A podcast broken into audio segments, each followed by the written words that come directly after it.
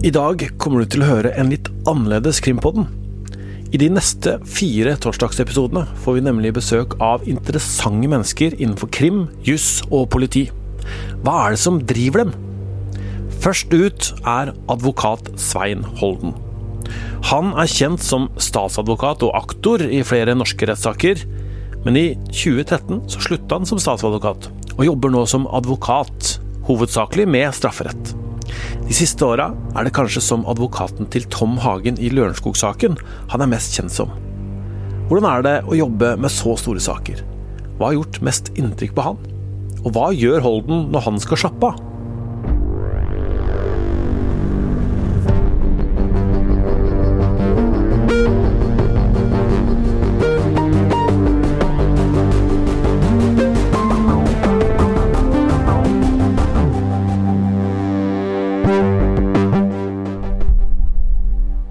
Det var ikke så mange som visste at Anne Elisabeth Hagen var borte, før politiet gikk ut med disse opplysningene på en pressekonferanse. Men en av dem som visste det, det var deg, Svein Holden. Hvordan hadde det seg? Da er vi vel tilbake i månedsskiftet november-desember 2018, og da fikk jeg eh, en telefon eh, med spørsmål om jeg kunne tenke meg å ta et oppdrag i en alvorlig sak. Eh, og det takket jeg da raskt ja til, og kort tid etterpå så hadde jeg et møte med klienten og ble orientert om hva som hadde skjedd. Og klienten var Tom Hagen? Det stemmer. Hvordan var det? Det er klart at eh, det gjorde inntrykk på meg å høre eh, omstendighetene rundt eh, det som hadde skjedd. Det, det er det ingen tvil om. Hva er, som, hva, er det, er, som, blir viktig for deg da, som bistandsadvokat, som du ble den gangen? Det, man har jo på sett og vis en uh, ganske åpenbar eh, tilnærming til en eh, straffesak. Det, det, første er jo da å komme i kontakt med politiet og, og, og få eh, dokumenter i saken, og da naturligvis gjennomføre en del møter med klient for å pensle ut veien videre. Hva tenkte du da, når du fikk høre om en sak i Lørenskog hvor en ja, eldre kvinne gift med en milliardær var sporløst borte og lå inn et brev og det er klart at omstendighetene rundt uh, handlingen var uh, så vidt spesielle, så det gjorde jo utvilsomt inntrykk på meg å, å, høre om det som hadde skjedd. Tenkte du med tanke på å få løst den saken? Det hadde gått en måned da, siden hun forsvant? Det hadde jeg vel eh, begrensede mulighet for å ha noen oppfatninger om der og da, men jeg kunne jo raskt konstatere at her var det eh, gjort en rekke ulike handlinger eh, som eh, nødvendigvis etterlater seg spor, og som vil være et godt grunnlag for en politietterforskning. Så kom du jo etter hvert i en slags kontakt med den såkalte motparten. Absolutt. Fortell litt om det. Vi hadde jo hele tiden et ønske om å få en eh, bedre kommunikasjon med motparten enn eh, det som dette kryptokommunikasjonen la opp til. Og jeg husker jo godt da, da, da jeg fikk en e-post, og, og, det åpnet jo nye muligheter i kommunikasjon. Hvordan da? Nei, da, da fikk vi jo høre mer, og vi eh, skjønte jo også at eh, de på den andre siden forholdt seg til den informasjonen som vi hadde gitt på pressekonferanser, f.eks. Så det var et element av toveiskommunikasjon, selv om dette var en e-postadresse som ikke øh, vi kunne sende svar til på vanlig måte. Hadde du da fortsatt håp om at Anne-Elisabeth skulle få komme hjem til familien sin uh, i livet? Naturligvis. Det, mm. det var jo et uh, sterkt håp for oss alle hele tiden. Mm. Hvordan får du den e-posten da? Er det på din PC, eller hvordan er det du ser det? Jeg husker godt at jeg var ute og gikk på, på vei hjem fra, fra jobb. Så, så, fikk jeg den Så jeg leste den da på mobilen, og orienterte naturligvis politiet umiddelbart etterpå. Mm. Hvordan har det vært da, å på en måte være også den budbringer, eller den som på en måte prater ut til noen som du vil ha kontakt med? Det er klart at det er jo en ny og annerledes uh, form å kommunisere på, også for meg. Så det, det nødvendiggjorde en del forarbeid, for å si det slik. Det var jo ikke tilfeldig det som ble sagt uh, fra vår side i den tidlige fasen. Hvordan forberedte du det? Da hadde vi mye kontakt med politiet eh, om eh, hva som burde sies. Og så er det jo sånn at eh, Denne kontakten ble jo ikke så hyppig uh, som dere sikkert ønska. Det tok vel mye tid før man fikk en respons, og det, det var vanskelig å holde en dialog. Uh, hvordan påvirka det dere? Det er klart det, det var frustrerende. Mm. Vi hadde et eh, håp om å få løst saken, få eh, Anne-Elisabeth Hagen tilbake til familien sin. Og når det eh, drøyde ut i tid, så var jo det ikke en god følelse. Hvilke tanker gjør du deg om at tilsynelatende de som er i andre enden, ikke er så interessert på det tidspunktet å måtte, ja, løse saken, egentlig? Det kan jo ha en rekke ulike forklaringer. Eh, vårt eh, primære tanke var jo at eh, å få Anne-Elisabeth Hagen tilbake, og vi kunne jo konstatere at det ikke skjedde. Og, og, og det å spekulere i mulige årsaker, det, ja, det kan man selvfølgelig gjøre, men vårt poeng var i hvert fall at hun kom ikke tilbake. Så går det jo noen måneder, og så For dette er jo dette er vel vinteren våren 2019, i hvert fall vinteren 2019, at det er den første e-posten kommer, er det ikke det? Mm. Uh, og så går det noen måneder, og så uh, kommer det et vendepunkt i denne saken. Hvor, uh, hvor, politiet har forlatt denne bortføring som en hovedhypotese, og, og offentliggjør for allmennheten at den nye, nye, hovedhypotesen er drap. kan du si litt om din reaksjon på, på det vendepunktet? Der har jeg vel uh, samme oppfatning i dag som jeg hadde da sommeren 2019. Eh, eh, etter eh, min vurdering så eh, er det eh, spinkelt grunnlag for å konstatere at det skal ha skjedd et drap i Sloraveien 4. Etter min oppfatning så er det minst like sannsynlig at Anne-Elisabeth Hagen ble tatt ut fra boligen i live. Tror du hun er i live nå? Det er klart, inntil det motsatte er bevist, så vil jo en familie og, og jeg alltid ha et håp om at hun er i live, men samtidig så er vi jo såpass realistiske at uh, vi innser jo at sannsynligheten for det nå er svært liten. Når du sier at uh, det er en sjanse for at det også kan ha vært en kidnapping, eh, og du mener uh, det på din bakgrunn, som også er politifaglig, for du har jo da jobba i politiet, du har drevet etterforskninger. Eh, hva bygger du på det da? Her, eh, her bygger jeg på en, min vurdering av bevisbildet på, på åstedet. Eh, og det er en sammensatt vurdering som jeg dessverre er avskåret fra å gå inn på enkeltelementene i. Men jeg står fast ved, ved det. At det, er intet ved øh, åstedet som gjør meg overbevist om at øh, det skjedde et drap i Slorhaven 4. Mm. Politiet var jo først øh, på dette bortføringssporet. Og så vendte man jo, som vi var inne på, over til drap. Det var sommeren 2019. Tenkte du da at oi, nå sikter de seg inn mot min klient Tom Hagen?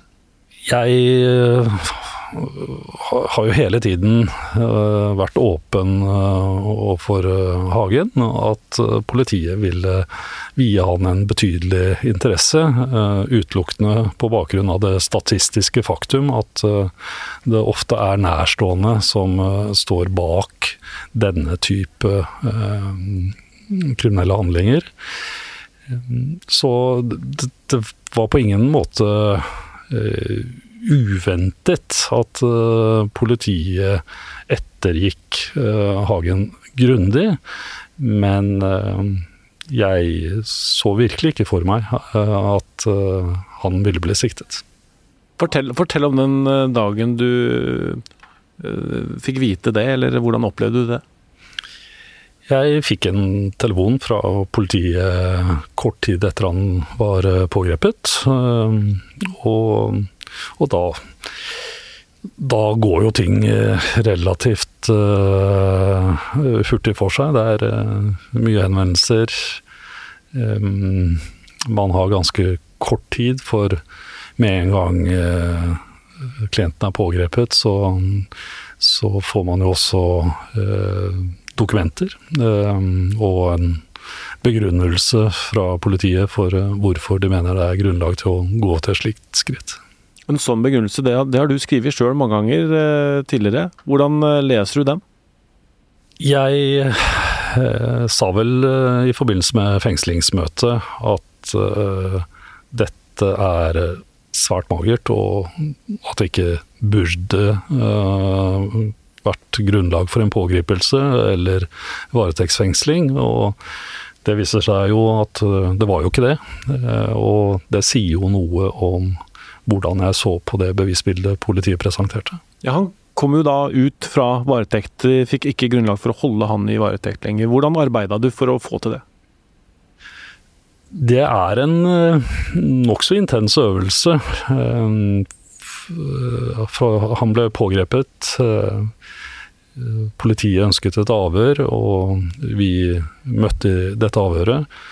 Og da hadde jo jeg en forventning om at uh, det var et eller annet nytt og dramatisk utvikling i bevisbildet som hadde ledet til pågripelsen, og at vi ville bli kjent med den i dette avhøret. Uh, det var imidlertid ikke tilfellet. Det, det, var andre og etter mitt syn mindre viktige tema som var eh, fokus. Og mens vi satt der så, på Kripos, så, så fikk jeg også politiets uh, påtegning, som det heter, til tingretten uh, i forbindelse med deres ønske om å varetektsfengsle Hagen.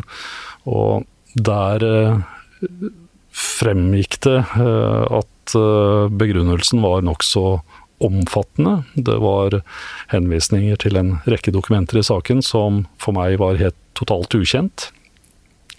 Og, og samtidig så fikk jeg da en det var en 15 000-20 000 sider uh, ukjent, uh, ukjente sider for meg.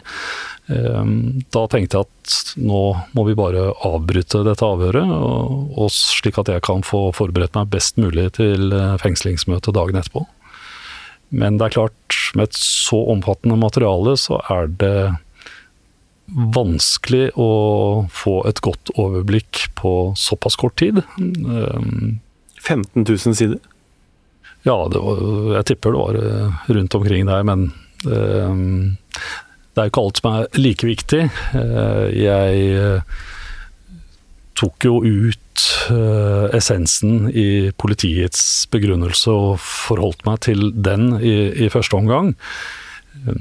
Så møtte vi jo i retten dagen etterpå og fikk jo da ikke medhold i Nedre Ringerike Nedre Romerike tingrett, og, og, Hagen ble jo fengslet. Eh, vi besluttet oss raskt for å anke avgjørelsen, og da åpner, eh, åpnes det et noe større tidsvindu. Så da hadde jeg en, en helg, en langhelg, hvor jeg jobbet ganske intensivt med å begrunne anken til lagmannsretten. Og da, med bedre tid, så fikk jeg også bedre oversikt over saksmaterialet. Da skjer det noe veldig uvanlig.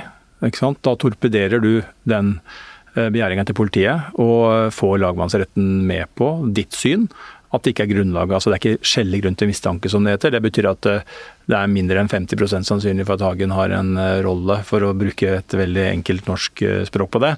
Um, det er veldig sjelden min erfaring at politiet ikke får fengsling, i hvert fall i første runde, fordi at saken er fersk og man kanskje fra domstolen er redd for at man skal gjøre noe feil fordi at man løslater noen på det tidspunktet.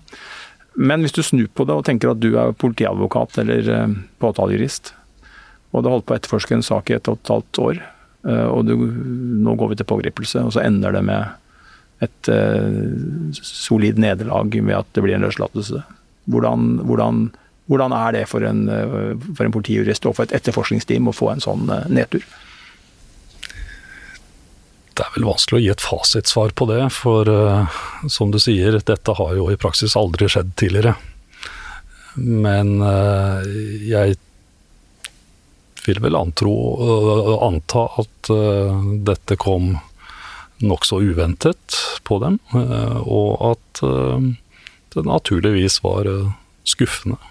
Undervurderte de deg, eller overvurderte de bevisene? Hva tenker du liksom ble feilskjæret, eller, eller, hadde de for lite? Var det liksom fullstendig feilaktig å gjøre dette her?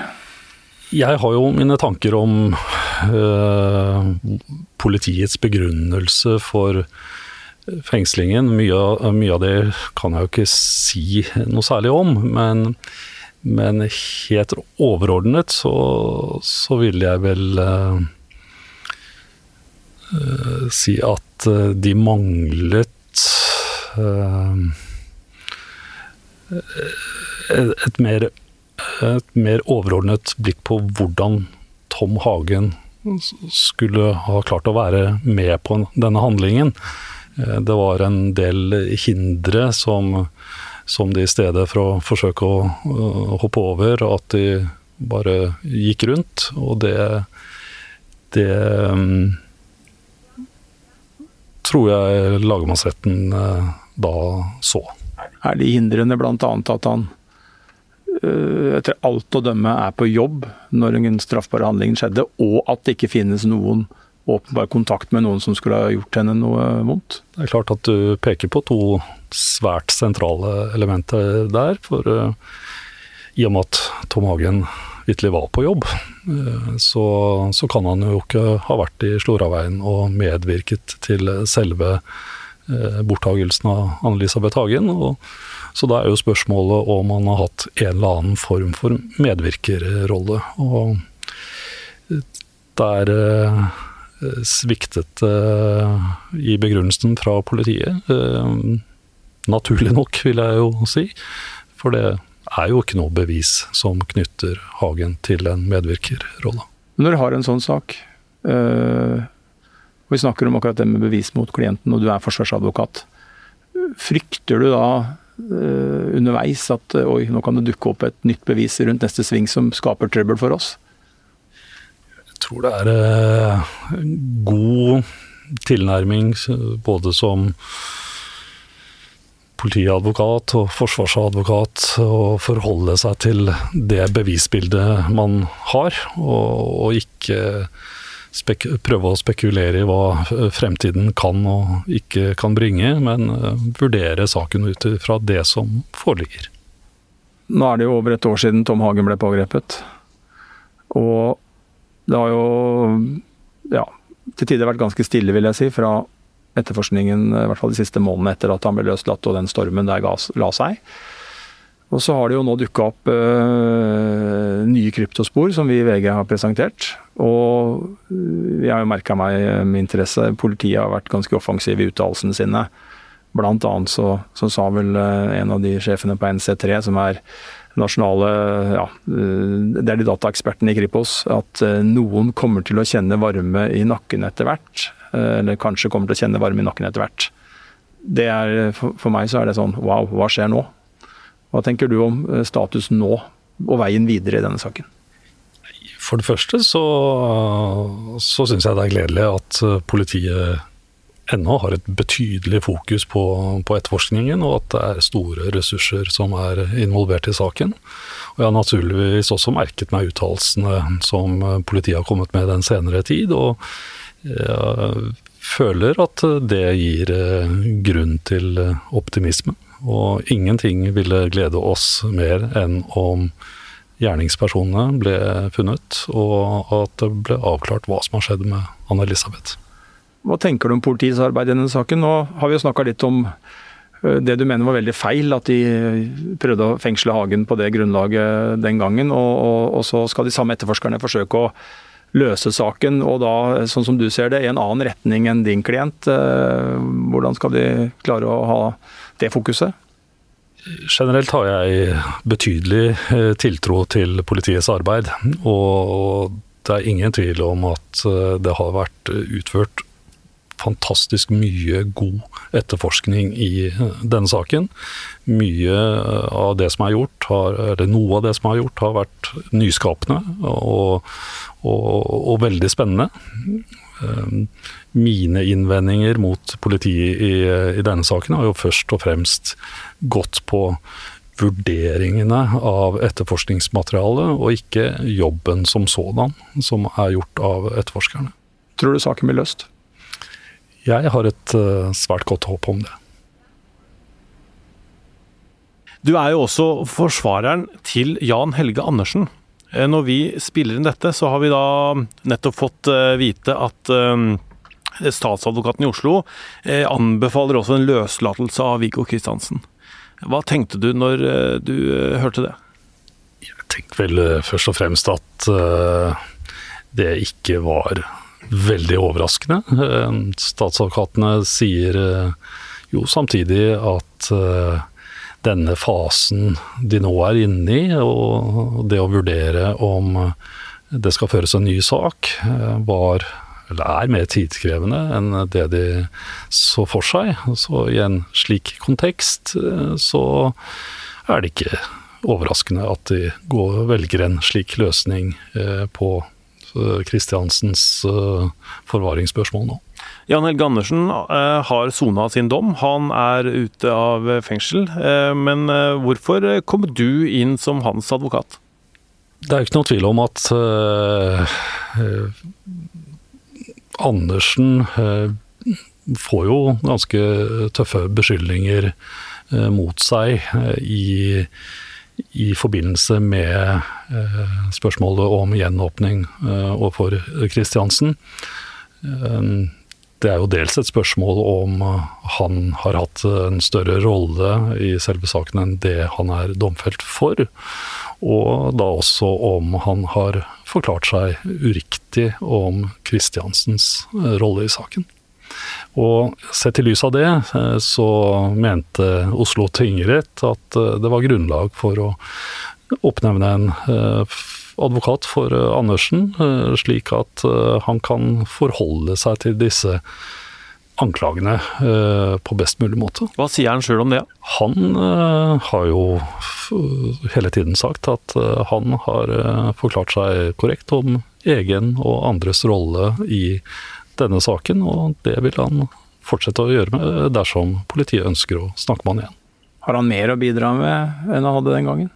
Jeg skal ikke forskuttere en eh, eventuell ny forklaring fra, fra Andersen, eh, men eh, han vil møte for politiet og besvare de spørsmål som de eventuelt måtte ha. Så, så tar det litt lengre tid for påtalemyndigheten å, å finne ut hva de skal gjøre med Viggo Kristiansen, da. Eh, hva tror du de gjør nå? Jeg tipper at uh, de rett og slett uh, tar for seg hele saken på nytt. Går gjennom med nye, flinke etterforskere fra voldsavsnittet i Oslo. Uh, går gjennom saken på nytt for å se om det er noe som bør gjøres før eh, man overlater til eh, påtalemyndigheten å ta stilling til om det skal reises ny sak. Har du sett noe som du tenker er åpenbart bør jobbes med? Jeg tror nok eh, på det stadiet vi er nå, så skal jeg være varsom med å gi uttrykk for mitt syn på etterforskningsmaterialet. Og Så kan det jo komme en ny full rettssak uh, mot, mot Viggo Kristiansen. Det får vi vite etter hvert. Og da vil jo Andersen ikke være medtiltalt, men er vitne. Mm, hvilken forskjell vil det innebære for han? Er, forskjellen er jo naturligvis uh, i rollen det at han da ikke sitter på en tiltalebenk uh, under hele saken, men uh, kommer til domstolen og avgjør en forklaring, og deretter forlater, forlater retten. Er det lettere, tror du? Jeg tror nok det er ingenting ved denne saken som er lett for Andersen, men han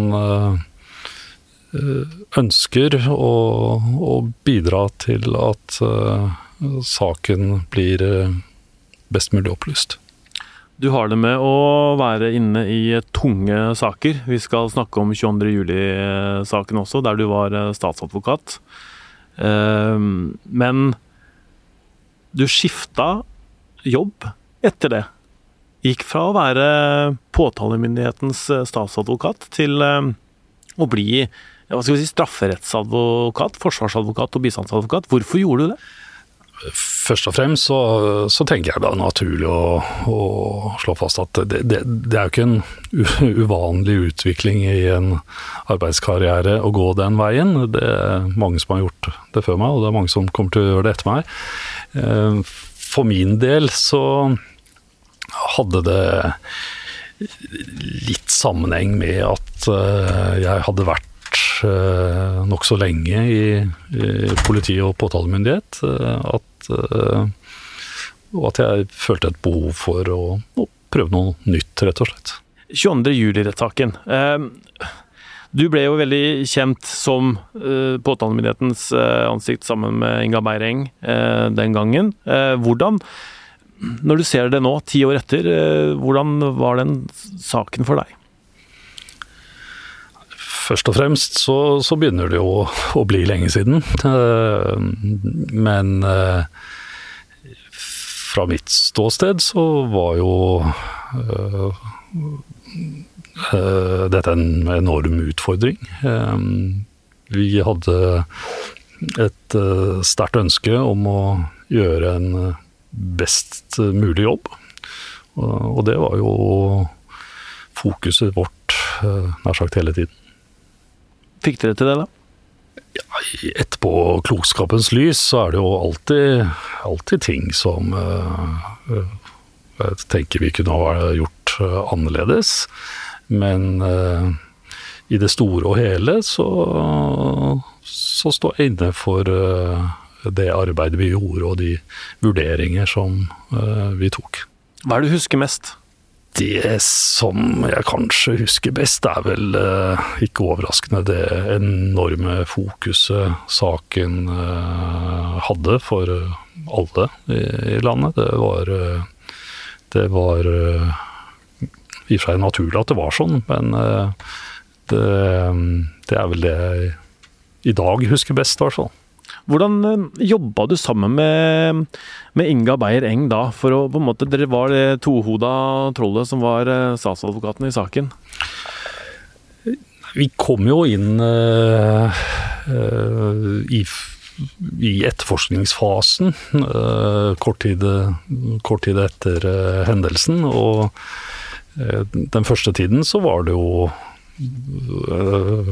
en stor del av jobben da å ha oversikt over etterforskningsmaterialet, hva som ble gjort. Og, og etter hvert så dreide jo fokus over på hvordan selve rettssaken burde gjennomføres. Og Dere gikk for en tiltale på at, at Anders Behring Breivik var utilregnelig.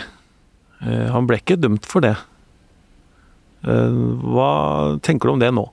Det er uh, ingenting ved saken eller tiden etter dommen ble avsagt som har fått meg til å endre oppfatning om at vår påstand var riktig der og da. Så dommen var feil, da? Det er klart, i og med at vi nedla påstand om tvungent psykisk helsevern, så ligger det jo i det at vi mener en dom på forvaring ikke var riktig. Var det noe med atmosfæren og på en måte det samfunnet vi hadde etter 22.07. for ti år siden som gjorde at, at det ble vanskelig å få dømt ham for å være utilregnelig? Det er jo ingen tvil om at uh, det var en nokså ensrettet uh, mediedekning uh, i saken. det var ingen tvil om hvor den vinden blåste hen, for å si det slik. og om det preget dommerne i, i, saken, er jo vanskelig for meg å si. Men, men det er klart det, det, var Vi var jo relativt eh, alene om den oppfatningen vi hadde. Hva var det mest krevende med den saken, syns du? Det er jo naturligvis uh, å forholde seg til de som er direkte berørt. Der, det ga mange sterke inntrykk både for Inga og meg. Nå denne sommeren da, så er det jo da ti år siden terrorangrepet skjedde. Kan du si noe om eh, hva som har forandra seg, eller hva vi har lært, eller hvor vi er nå? Først og fremst så tenker jeg vel at øh, Vi kan konstatere at ting tar tid i samfunnet. Når vi titter ut av vinduet her i VG-bygget, så, så, ser vi jo fortsatt at regjeringskvartalet ser ut som det gjør. Mm. Um, så så jeg i Aftenposten i dag at uh, nå skal uh, snart dette nye beredskapssenteret til uh, politiet åpnes. Det var vel et av læringspunktene i Gjørv-rapporten, som kom ganske tidlig etterpå. Så ser vi altså at det først nå er på plass.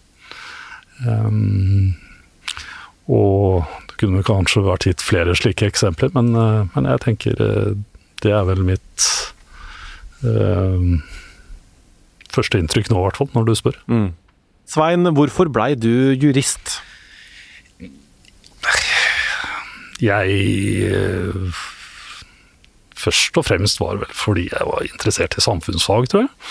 Ikke, og ikke veldig interessert i naturfag. Um, så hadde jeg en bror som uh, ti år eldre og, og var vel gikk eller var akkurat ferdig på jussen da jeg skulle begynne å studere, så det hadde vel sikkert en viss betydning for meg også. Første jobben din, da, hvor, hvor var den? Da jobbet jeg i eh, Justisdepartementet, i eh, Polaravdelingen som det het den gang. Som har med administrasjon av eh, Nor Norges polområder, og, og, da særlig Svalbard. Så det var en superfin første jobb. Skarp jobb, da, for det handler jo om russerne og hele den greia der? Ja, det var, Som ung førstekonsulent eh, så er det nok begrenset eh, kontaktflate opp mot russerne. Så mine oppgaver var nok av en litt annen karakter, men eh, det var utrolig morsomt å bli bedre kjent med Svalbard. Og jeg var der oppe en, flere ganger og gjennomførte såkalte Svalbardkurset over en to ukers så det var, det var utrolig nyttig og en god førstejobb. Og så, da? Etter det? Jeg var der eh, åtte-ni eh, måneder, og så begynte jeg i Oslo politidistrikt i 1.1.2001.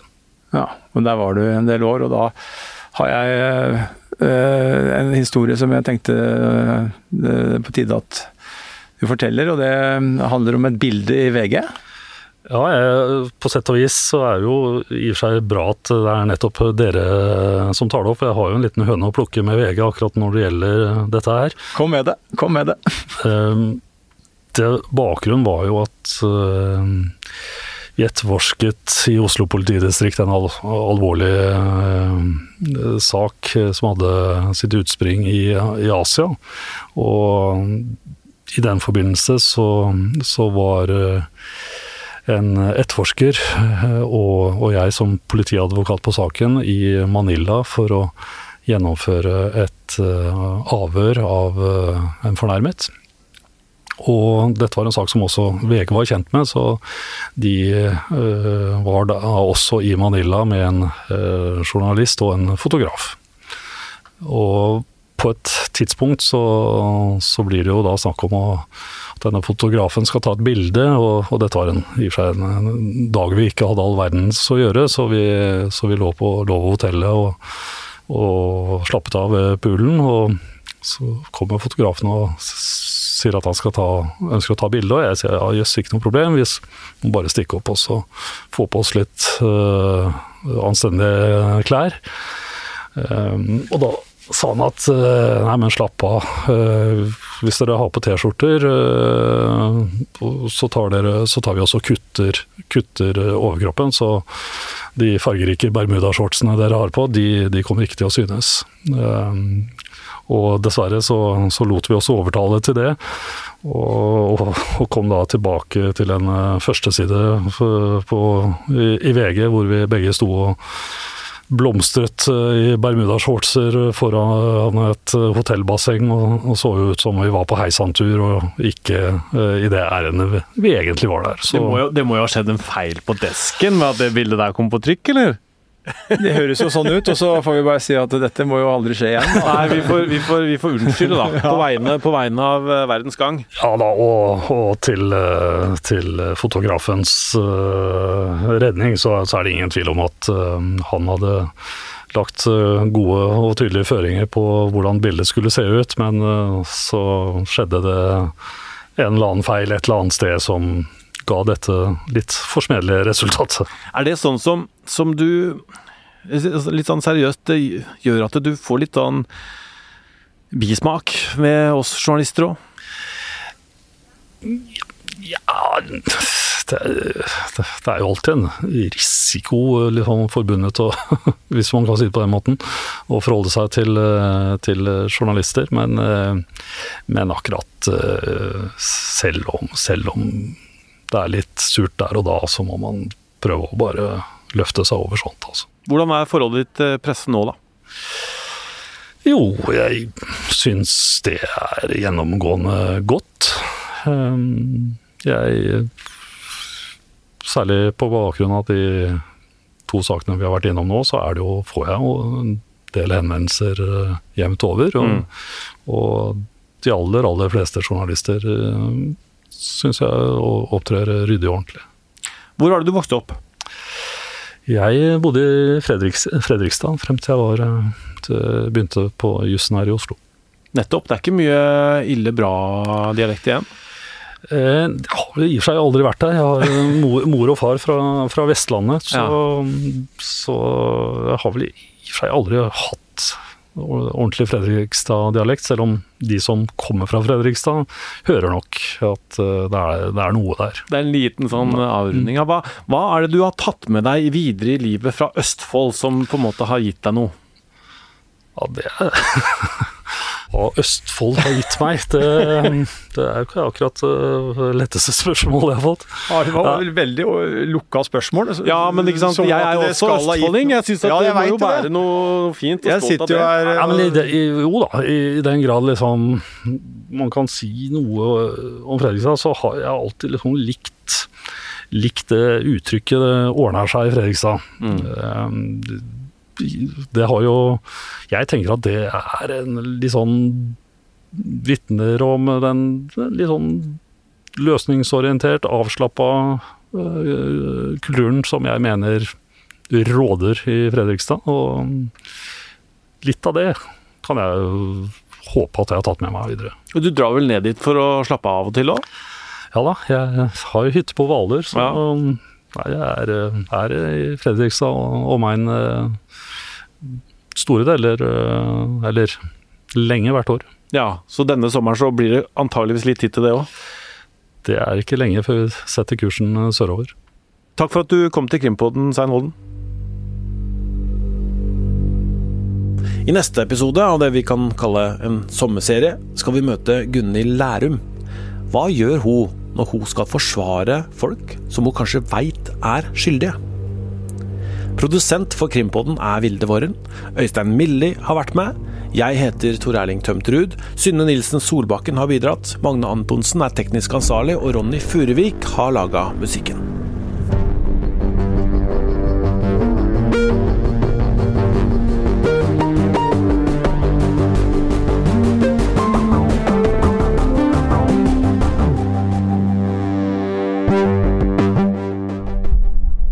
Du har hørt en podkast fra VG.